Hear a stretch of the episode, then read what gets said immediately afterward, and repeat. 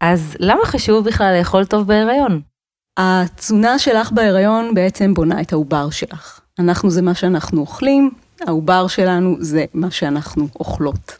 ואם לא נספק את כל אבני הבניין, כל רכיבי התזונה, אז זה בעיה.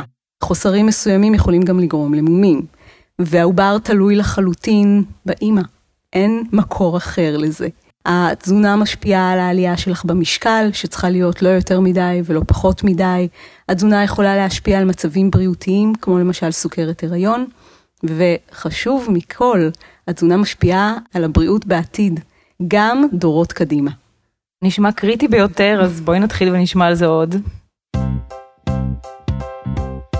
בכל יום אנחנו מקבלים כ-200 החלטות שקשורות לאוכל, אבל מחקרים מראים שאנחנו לא מודעים ל-90% מהן. זו גם הסיבה שמחקרים מצאו ש-95% מהדיאטות נכשלות, משום שהן עוסקות במה לאכול, במקום באיך לאכול. וזו המטרה של הפודקאסט הזה, לתת את כל המידע והכלים כדי שתוכלו סוף סוף להקשיב לגוף, ולהזין אותו במה שהוא רוצה וצריך. אני דוקטור שירלי הרשקו, מומחית בתזונה וקשב, מרצה באוניברסיטה העברית. המחקר שלי זכה במקום הראשון בעולם, בעקבותיו פיתחתי את שיטת תזונה קשובה. אותה אני מלמדת כיום, וגם כתבתי עליה ספר, ויצרתי קהילה בפייסבוק, כי זו הדרך לאיכות חיים אמיתית. ועכשיו, בואו נצלול לפרק. ברוכים הבאים וברוכות הבאות לפודקאסט תזונה קשובה, שמביא ידע תיאורטי ומחקרי לצד כלים וטיפים מעשיים כדי לאכול בצורה בריאה ונכונה יותר עבורנו. אני זוכרת שנכנסתי להיריון וחשבתי לעצמי שעכשיו אני יכולה לאכול בשביל שניים. מהר מאוד גיליתי שזה לא מה שחשבתי ושיש מלא איסורים, ודווקא בתקופה הזו הכי התחשק לי לאכול נקניק. אני לא אשכח את היום שטל הבן זוג שלי חזר הביתה עם חבילה ריחנית בידו. זה היה נקניק סלמי. הסתכלתי עליו מבועטת ואמרתי לו אבל אסור לי נקניק והוא בתמימות שלו ענה אז גם אני אמור לא לאכול נקניק עכשיו תשעה חודשים? התשובה הזו גרמה לי להעיף את הנקניק מהחלון מהקומה 11 בה גרנו. באותה התקופה כן כן ההורמונים. אחר כך הוא גם קיבל הרצאה על כל הדברים שאני לא יכולה לאכול בהיריון, והבין את ההתנהגות המשוגעת שלי. אבל יש כאוס שלם בנושא, מה מותר ומה אסור, וגם מה יעזור להתפתחות של העובר שלי, כי מחקרים הוכיחו חד משמעית שיש השפעה למה שנאכל בזמן ההיריון על הבריאות של הילד או הילדה שלנו גם שנים קדימה. ואחרי הלידה זה לא נגמר, כי פתאום אנחנו מגלות שזה מאתגר בכלל להגיע לאוכל, אין לנו זמן לאכול, ואנחנו לא ישנות, ואיך מורידים את המשקל. בקיצור, כדי לעשות סדר בנושא וגם לתת ממש פרקטיקות שיעזרו לכן, הזמנתי אלינו היום את המומחית טובה קראוזה. שהיא דיאטנית קלינית לנשים בהיריון ואחרי לידה. יש לה גם פודקאסט נהדר שנקרא תזונה טובה, ושלל תכנים דיגיטליים בנושא באתר שלה. אז שלום טובה ותודה שהגעת אלינו. היי שירלי. בואי תספרי לנו רגע, לפני שאנחנו צוללים ממש לנושא ההיריון ואחרי לידה, מה האני מאמין שלך בגדול לגבי כל נושא התזונה?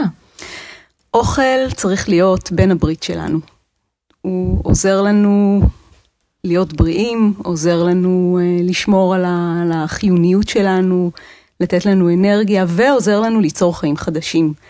אנשים מסתכלים על אוכל כאל איזשהו פיתוי, כאיזשהו משהו שאסור, וצריך להסתכל על זה אחרת. אוכל זה אוכל, לא להלביש עליו כל מיני uh, מטענים uh, רגשיים, מכיוון שחוויתי בעבר הרחוק מה זה ללכת לדרך מאוד קיצונית, אני מתחרפנת כשאני שומעת על כל מיני uh, דברים שאנשים עשו כשמגיעות אליהם מטופלות, שעשו כל מיני תוכניות שגם לא מועברות על ידי אנשי מקצוע וגם דוגלות בכל מיני uh, איסורים, ואני רואה אחר כך את הנזקים הנפשיים, את המחירים ש, שמשלמים.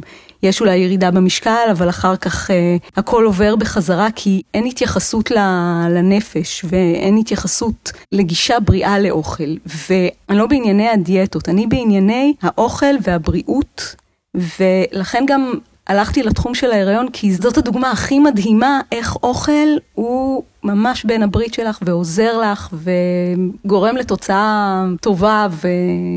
ובריאה. איזה הסבר מקסים זה באמת, איך הגעת לתחום הזה, כי באמת אוכל פה בונה בן אדם.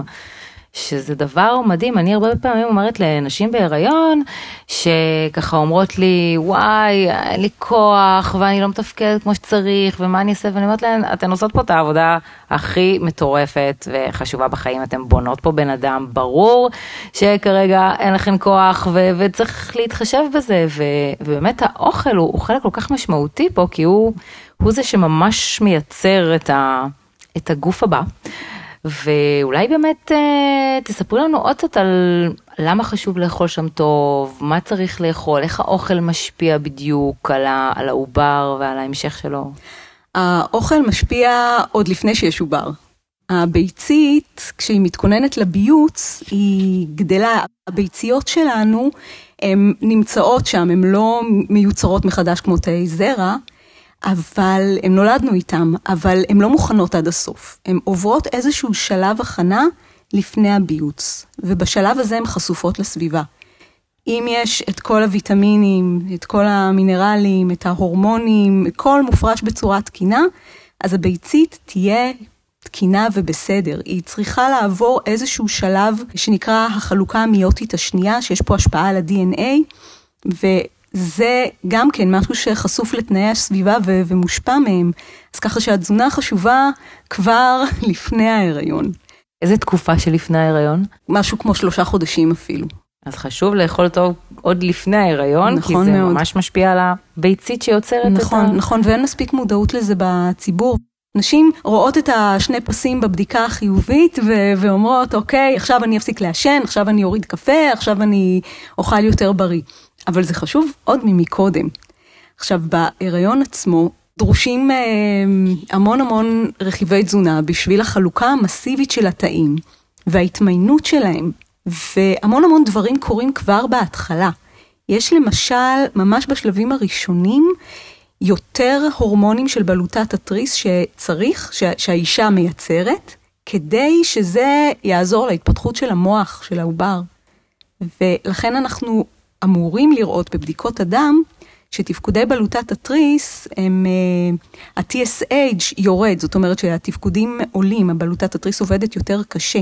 ואם זה לא קורה, סימן שקשה לגוף יותר, ואז צריך לעשות איזשהו בירור, אולי אפילו לתת איזושהי אה, עזרה תרופתית. ובשביל בלוטת התריס, בשביל שהיא תעבוד כמו שצריך, אנחנו צריכים יוד. ואין לנו מספיק יוד בתזונה. אנחנו שותים מים מותפלים, מי הברז שלנו הם מים יותר ויותר מבוססי התפלה. זאת אומרת שאין בהם יוד, ואין לנו כל כך מקורות ליוד. יש יוד באצות, בדגים, במוצרי חלב צאן, אלה המוצרים הכי הכי עשירים ביוד. כמובן מלח מועשר ביוד. מי שאין לו את זה, אז אין לה מספיק יוד. לכן משרד הבריאות ממליץ על צריכה של 150 מיקרוגרם יוד לפחות חודש לפני ההיריון. ובהיריון עצמו, הקצובה היא 220 מיקרוגרם, ובהנקה 290. אז uh, זה משהו שצריך uh, צריך לחשוב עליו. עכשיו, כמובן יש את החומצה הפולית, שהיא חשובה להתפתחות uh, תקינה של, של תאים, לחלוקת תקינה של תאים, ולמניעת מומים מסוג מאוד מסוים, מומים במערכת העצבים של העובר, neural tube defects. ומצאו כבר לפני הרבה מאוד שנים, שחומצה פולית יכולה למנוע בין 50 ל-70 אחוזים של המומים האלה, שהם מומים מאוד uh, חמורים. רק בשנת 2000 משרד הבריאות יצא בהמלצה לקחת חומצה פולית לפני ההיריון, ומאז שיצאה ההמלצה הזאת, ראו שיש ירידה משמעותית בשכיחות של המומים האלה, שהם מומים שפעמים רבות אה, מחייבים הפסקת הריון. ואלה רק שתי דוגמאות uh, לדברים שמאוד מאוד משמעותיים. כן, מראה כמה, כמה קריטית התזונה. ומעבר לתוספים שבאמת צריך לקחת, אה, שאת אומרת צריכים לאכול טוב, נכון, לפני ההריון, בזמן ההריון, מה זה אומר לאכול טוב? אז זה מאוד פשוט, זה תזונה ים תיכונית, שזה אומר הרבה ירקות, הרבה פירות, כמה שפחות מזונות אולטרה מעובדים, מזונות שקרובים ככל האפשר לצורה הטבעית שלהם. דגנים מלאים, קטניות, אגוזים, זרעים, תזונה שהיא מבוססת uh, צומח, מי שלא צמחונית, אז מזונות מן החי גם, אבל לא לבסס את זה על uh, מזונות מן החי. ביצה, מוצרי חלב, דגים ובשרים למיניהם, כאשר בקר באופן כללי זה לא משהו שמומלץ לאכול בתדירות גבוהה. זה הכל, זאת כל התורה, זה, זה לא כזה מסובך, אבל כן זה אומר להיות על זה מבחינת תכנון, מבחינת אה, לקנות את הדברים, רשימת קניות, לתכנן מה אני הולכת לבשל, ולבשל, או לדאוג שמישהו אחר יבשל בשבילי, כי אם אני מתבססת על אוכל מבחוץ, זה הרבה הרבה פחות בריא. נכון, זה באמת אתגר, כל עניין ההתארגנות והתכנון, האמת שכל הספר האחרון שלי, תזונה קשובה, הוא רק על זה. הוא לא מדבר על מה לאכול, אלא רק איך, איך אני יכול, יכולה אה, להתארגן עם זה בחיי היום יום, למה זה חשוב, ההשפעה של כל הגורמים החיצוניים והמסיחים עלינו. כי זה, זה באמת אישו, ובסופו של דבר אין תחליף לעצור רגע ולראות איך אני מתארגנת על זה, כי זה לא משהו שיבוא באופן טבעי. אני יכולה לחשוב בערב, יאללה, ממחר אני אוכלת בריא. אבל אז אני אגיע לעבודה ולא הבאתי איתי נגיד אה, ירקות, או אני הולכת ליד הקפיטריה ואני רעבה, אין לי את הכריך, אז, אז אני אתקע שם, ולכן אין תחליף לעשות את העצירה הזו רגע ולתכנן ולארגן. בהתחלה זה אכן קשה מאוד, אבל מהר מאוד זה, זה ממש זורם. זאת אומרת, אני ממש פיתחתי שיטה שלמה שאני מדברת עליה בספר, ו, וזו שיטה שמאוד מאוד uh, פשוטה. בהמשך פשוט צריך לצלוח את, ה, את ההתחלה, ואני יודעת שזה גם מאוד חשוב, למשל אחרי לידה, שאת בכלל בטירוף. ואין לך זמן לאכול. אני זוכרת שאני אחרי הלידה שלי הייתי כל הזמן רעבה, כל הזמן חיפשתי אוכל ולא היה לי. וזה אחד הדברים שאני זוכרת בצורה הכי משמעותית וכואבת, אני אפילו הגעתי למצב, יש עמותה כזו ש, שמבשלת לנשים אחרי אה, לידה, שאפילו נעזרתי בה, כי זה כל כך בסיסי לאכול אחרי לידה ועוד בהנקה ואת רעבה ואין לך זמן לבשל, ו, ואם את לא יודעת מה לעשות עם זה אז וואלה, עכשיו שאני חושבת על זה, נראה לי זה מה שהוביל אותי אולי אה, לתחום של כל הארגון אה, תזונה, כי זה... זה א' ב', זה, זה הכי חשוב. גם יש נשים שיש להם אה, במקומות העבודה שלהם המון מזון אולטרה מעובד במטבחונים, ואז בצהריים מזמינים טייק אווי מאיפשהו, ו, וזה הכל, זה, זה מאוד אה, בעייתי. אז אה, באמת מאוד חשוב, זה, אה, מה לאכול הוא פשוט. השאלה היא איך מבצעים את זה. אבל מעבר למה לאכול, יש גם הרבה מה לא לאכול. נכון. את יכולה רגע לעשות לנו סקירה על כל האיסורים המעצבנים? בטח. אז האיסורים האלה הם לא סתם, אה, מה שנקרא, נכתבו בדם. יש אה, שתי סיבות. הסיבה הראשונה זה למנוע הרעלות מזון, והסיבה השנייה היא למנוע חשיפה למזונות שמזיקים לעובר. מה הקטע עם הרעלות מזון? למה זה שונה בהיריון מאשר במצב רגיל? כשאת בהיריון, מערכת החיסון שלך עובדת פחות טוב, נקודה.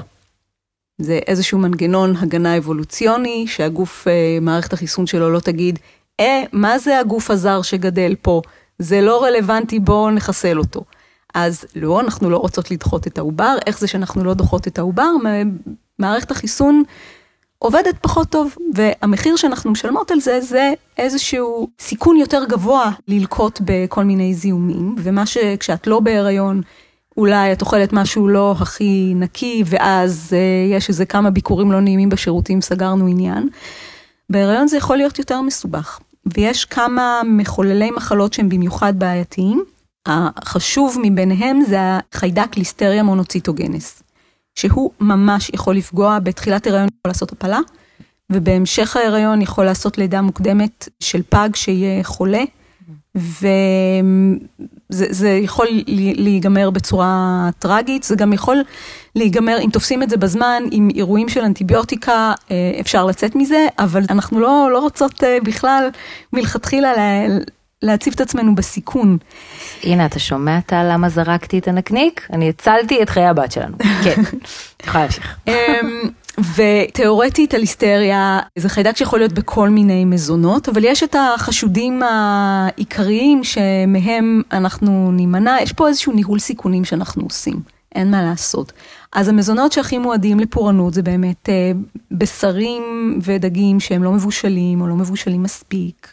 בין היתר גם נקניקים אה, למיניהם, ופסטרמות ו- וכולי. ויש את האיסורים בצורה מאוד מסודרת באתר של משרד הבריאות, גם בבלוג שלי. למשל, פתה כבד שהוא לא בקופסת שימורים, אלא מצונן, צ'ילד. מפה גם ההמלצה לא לאכול אה, סלטים קנויים, במיוחד סלט חומוס, מכל מקום, אלא רק להכין בבית. אם תגגלו חומוס וליסטריה, תמצאו אה, ריקולים של אה, חומוס עקב ליסטריה. אתמול או שלשום ראיתי איזושהי חברה לא מאוד ידועה, אבל סלט אבוקדו עם ביצים, mm. גם כן ליסטריה. זה לא דמיוני הדברים האלה, צריך uh, להיזהר. לשטוף היטב פירות וירקות, גם כן, מהסיבה הזאת, וגם חיידקים נוספים. עוד חיידק שהוא uh, בעייתי, אבל לא כמו הליסטריה, למרות שזה מאוד לא נעים uh, ללקוט בסלמונלה, אז uh, זה הסלמונלה, שהוא יכול להיות בביצים לא מבושלות. סטטיסטית, לפי הנתונים של משרד הבריאות, אחת מכל אלף ביצים יש בה סלמונלה, ולכן חשוב לבשל את הביצים היטב. וקרטון ביצה זה, זה 12 ביצים, אז uh, מה, על כל 83 קרטונים יש ביצה כזאת? שוב, זה לא, זה לא משהו שהוא בשמיים, אה, זה משהו ש, שיכול לקרות.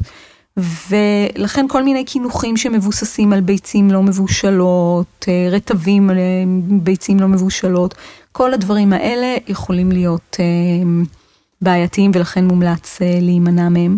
יש גם את הטוקסופלזמה, שזה טפיל שנמצא בעיקר בצואת חתולים, ויכול גם להיות בפירות וירקות לא מבושלים, וגם בבשרים לא מבושלים. לשמחתנו זה די נדיר, אבל מי שכן לוקה בזה, זה, זה משהו שיכול לגרום למומים בעובר. אז uh, יש לזה סימפטומים, זה לא עוברים את זה בלי להרגיש, uh, יש... Uh, אני לא רופאה, אבל ממה שאני יודעת, יש התנפחות של הבלוטות לימפה בצוואר, לצידי מתחת לאוזניים, כן יש הרגשה של חולי, אז אמ, כן שווה לבקש בדיקה לנוגדנים גם ככה. זה נדיר, אבל לא, לא לדאוג מזה, זה נדיר. גם כשיש לך חתולים בבית, אם הם לא כאלה שמסתובבים יותר מדי בחוץ, אין להם איך לחטוף את זה, ופשוט לדאוג שהם לא יהיו על השיש ולא לגעת בידיים בצואה שלהם, אה, לשים כפפות. אז זה לגבי הרעלות מזון, זה אמרתי בצורה ככה מאוד אה, כוללנית, אבל אה, מי שרוצה יכול למצוא באתר של משרד הבריאות. יש את הדברים שגורמים לנזקים לעובר, ובראש ובראשונה זה אלכוהול. אלכוהול הוא אה, טרטוגן אוניברסלי. טרטוגן זה אומר גורם למומים, אוניברסלי זה אומר לא רק בבני אדם, כל עובר שהוא, הוא הרסני, הוא מאוד מאוד פוגע, והוא במיוחד פוגע בהתפתחות של המוח. כשהמוח מתפתח, אז הוא מתפתח בשלבים, וכל שלב נסמך על השלב שקדם לו, וצריכים להיות פה כל מיני אנזימים שמכוונים את התאים לכל מיני מקומות. ומה שאלכוהול עושה הוא, יש לו השפעה אפי גנטית, זאת אומרת, השפעה על ההפעלה או השתקה של הגנים, הוא פוגע בגן שממנו נוצר האנזים, זה קצת חד גדיה, ש, שהוא זה שמכוון את התאים. ואז בעצם המוח נוצר בצורה לא כמו שאמור להיות. וגם אין החלטה על איזה כמות אה, מותר או לא, נכון? לא. זה פשוט אסור. אין, אין. את לא יכולה לדעת, יכול להיות שאת נצר לשושלת של אה, שתייני אה, אלכוהול בריאים שמפרקת צ'יק צ'אק את האלכוהול והכל בסדר, ויכול להיות שלא. אין לנו דרך לדעת את זה, ולא לוקחים סיכון. ההמלצה של כל גופי הבריאות בעולם היא אפס אלכוהול. אז אלכוהול אסור בכלל, גם כמובן סיגריות עושות נזק משמעותי, נכון, יש המון נכון. מחקרים על זה. קפאין, מומלץ לו לעבור כמות של 200 מיליגרם קפאין ביום, שזה משהו כמו שתי כוסות קפה, או ארבע כוסות תה אה, שחור. בשוקולד גם יש קפאין, אבל הכמות היא לא כזאת גדולה, אז אם את אוכלת שורה של שוקולד, לא חושבת שצריך עד כדי כך להיתפס לזה. בנוסף, יש uh, כמה צמחים, חליטות, שהם לא מומלצים לפי uh, מאגר מידע של הרוקחים, אז כדאי ליתר ביטחון להיזהר, למרות שאי אפשר לעשות הפלה עם uh, כוס תה, זה לא יקרה, אז לא, לא לדאוג עד כדי כך. אלה הדברים העיקריים. מעולה, יופי, עשית לנו סדר. ויש גם דברים שמומלצים לנגיד בחילות וצרבות, שזה דבר שמאוד שכיח בהיריון. כן, אז בחילות, בהנחה שמדובר במצב הרגיל של הבחילות, לא משהו חמור על, ה, על הספקטרום, אז uh, כן כדאי uh, לאכול, כן כדאי לאכול קודם כל, למרות שכאילו בחילה זה הדבר האחרון שמתחשק לאכול, זה, זאת בחילה קצת אחרת בהיריון, זאת בחילה מעורבת ברעב כזה.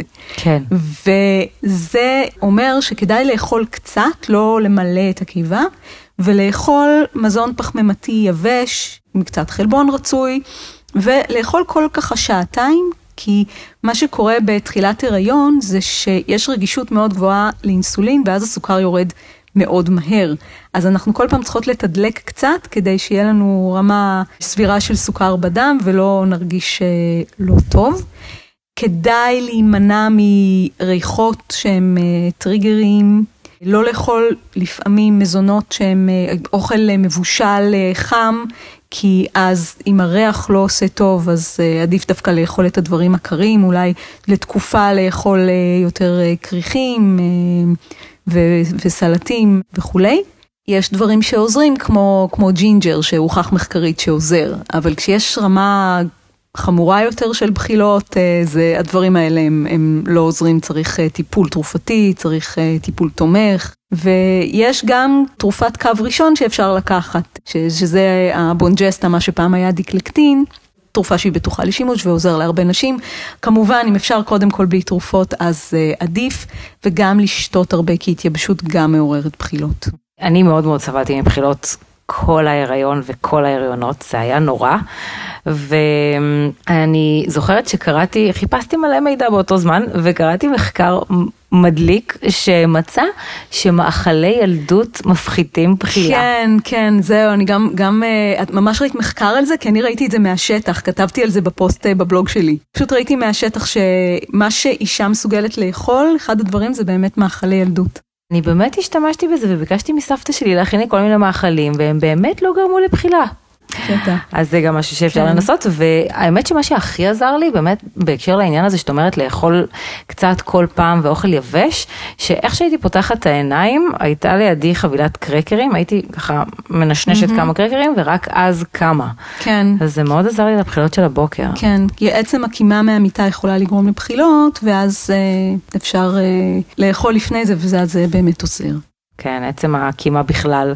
ואני זוכרת שמה שהכי עודד אותי בתקופה הזו, זה שבעצם הבחילות, אז יש לזה הסבר שהגוף מפריש המון המון הורמונים כדי לשמור על העובר, והמון המון הורמונים האלו הם אלו שיכולים לגרום לבחילות, אז ככה אמרתי לעצמי, טוב, זה טוב שיש לי בחילות, כי אני שומרת על העוברית שלי, כי, כי זה משהו ש, שקשה להתמודד איתו בחילות. כן, השליש הראשון הוא גם תקופה של חוסר ודאות, כי את עוד לא מרגישה תנועות עובר, את עוד לא יודעת בכלל נכון. מה יהיה. אז זה כאילו משהו מרגיע בזה שההורמונים מופרשים כמו שצריך. ואז אה, אוקיי, בסדר, כנראה שה, שהכל בסדר עם ההיריון. כן. יש גם מחקרים שמצאו קשר בין בחילות לבין אה, משקל לידה טוב יותר, בחילות אבל בגבול הנורמל. שיש פה איזשהו אה, דיכוי של איזשהו הורמון אחר שמאפשר אה, להורמון אה, מסוים שחשוב לגדילה להתבטא יותר טוב, ואז יש לנו פה גדילה יותר טובה. אוקיי, okay, עכשיו צלחנו את ההיריון, הייתה לידה בשעה טובה, ומה קורה אחרי? זהו, אפשר להתחיל לאכול מה שבא לי? אז נגיד את אמרת שהיית מאוד רעבה. זה לא סתם. בהנקה, ההורמון פרולקטין, שהוא ההורמון שחשוב לייצור החלב, הוא בשלושה חודשים הראשונים מאוד גבוה, אחר כך הרמה שלו קצת יורדת וכמובן נשארת גבוהה יחסית לאישה שהיא לא מניקה. ורמה גבוהה של פרולקטין היא גורמת לרעב. לכן נשים מניקות הרבה פעמים הכי רעבות שהן מרגישות בחיים שלהן, זה בתקופה של ההנקה. וזה מאוד הגיוני גם, כי זו דרכו של הטבע לומר לך, תאכלי יותר כי את צריכה יותר. הנקה היא התקופה הכי תובענית בחיינו הבוגרים מבחינה תזונתית. את צריכה יותר כמעט מהכל, חוץ מברזל, וכמעט מכל הוויטמינים והמינרלים אנחנו צריכות יותר, אנחנו צריכות יותר קלוריות, כי הנה הקטע, שישה חודשים של הנקה בלעדית, שורפים לנו לפחות 112 אלף קלוריות. הריון שלם של תשעה חודשים כדי לייצר תינוק, אנחנו צריכות 80 אלף קלוריות. בחצי שנה של הנקה בלעדית, את מעבירה לתינוק חמישה וחצי קילוגרם של שומן.